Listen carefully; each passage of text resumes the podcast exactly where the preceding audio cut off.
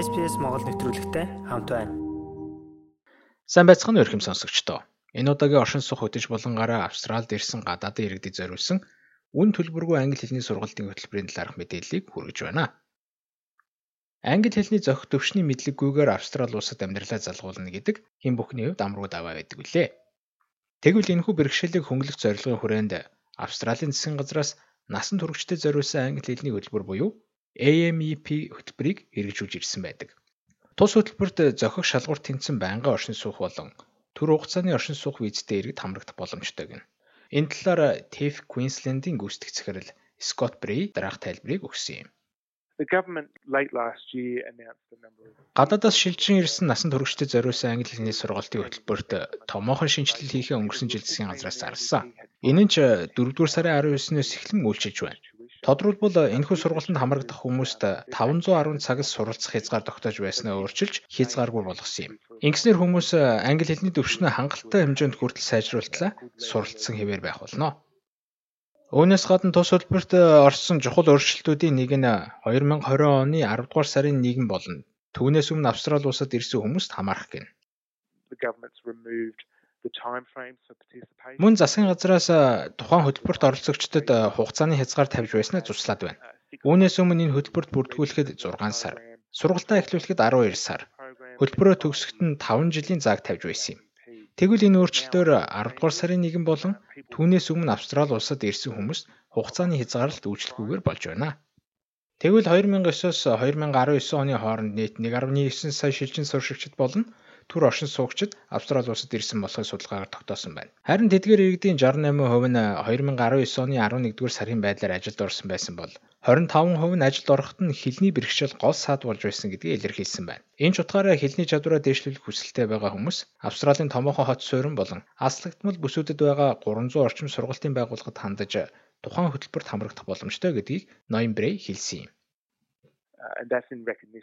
Нэгүгээр бол нийгмийн дунд хангалттай түвшний хэлний мэдлэггүй маш олон хүмүүс байгаа гэдгийг батлан харуулж байна. Энэ нь тэднийг оршин суух эсвэл ажлын байранд гарахад нь бэрхшээл босоор байгаа юм. Тиймээс дээр дурдсан хугацааны заагийг авч хаяснаар олон хүн хөтөлбөрт хамрагдах боломж үрдэж байна. Хэрв та энэхүү сургалтын хөтөлбөрт хамрагдахыг хүсвэл оршин суугаа мууж нутаг дэвсгэрийнхээ ТЭФ-ийн захин хуудасаар дамжуулан бүртгүүлэх боломжтой юм. Өнгөрсөн жилийн 6 дугаар сард Австрали улсад ирсэн хүмүүсийн нэг нь Пакистан гаралтай Таяба Бушра юм. Тэрээр өнгөрсөн 10 дугаар сард Квинсленд дэх TAFE-ийн AMEP хөтөлбөрт элс оржээ.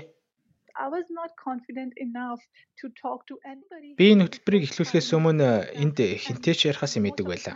Ихэнх тохиолдолд хүмүүстэй хэрхэн ярихаа мэдэхгүй байх, эсвэл энийг хэлэх нь зөв байсан уугүй юу гэх зэрэг бодож үүнээсээ хичдэг байсан юм.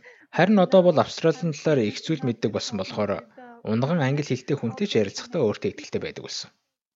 Тэгвэл AMEP хөтөлбөрт хамрагдсан хүмүүс нь өөрсдийн амьдралын хэв маягт тааруулан сургалтаа зохицуулах боломжтой төдийгүй биеэр хичээлдээ суух боломжгүй хүмүүст ч зайнаас сурах боломж нээлттэй гин. Uh, Бид нэр өдрийн цагаар үр хүүхдээ харах эсвэл ажиллаа хийх гэж завгүй байдаг сурагчидтай зориулж амралтын өдрийн болон оройн ангиудыг гаргасан байгаа. Энэ нь ч тэдэнд сургалтаа зохицуулахад нь амар байдаг. Тэгвэл бага насны хүүхдтэй хүмүүсийн хувьд боломж их байгаа бөгөөд сургалтанд сууж байхад нь хүүхдийг нь үнгүй харах үйлчлэгэнд хамруулах зохицуултыг хүртэл хийх боломжтой гэдгийг Брей хэлж байсан юм. AMEP хөтөлбөрт хамрагдсан сургуулийн насанд хүрээгүй хүүхдтэй хүмүүст хүүхэд харах үнгүй үйлчилгээ санал болгодог. Хүүхдийг үн төлбөргүй харах үйлчилгээнд хамруулах боломжтой гэдгийг сонсоод олон хүн ирж байгаа нь маш сайн хэрэг юм.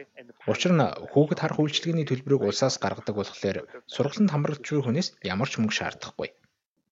Үгээр зогсохгүй AMP хөтөлбөрт хамрагдж буй хүмүүс нь 80 цагийн дуршлаг олох зорилго бүхий Work Ready хөтөлбөрт хамрагдах боломжтой гэнэ.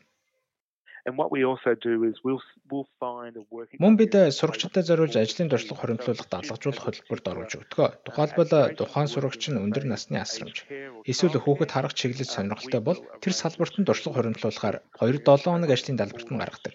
Энэ хооронд ч бид дэмжлэг үзүүлсээр байдаг. Work Ready бол AMEP хөтөлбөрийн чухал бүрэлдэхүүн хэсэг юм. Хэрв та энэ талаар илүү дэлгэрэнгүй мэдээлэл авахыг хүсвэл Австралийн дотоод хэргийн яамны цахим хуудасаар зочлох эсвэл TAFE сургалтын төвтэй холбогдоорой.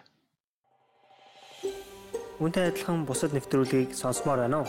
Apple Podcast, Google Podcast Spotify эсвэл та өөрийнхөө сонсдог апп ашиглан манай нэвтрүүлэгтэй хавд байгаарай.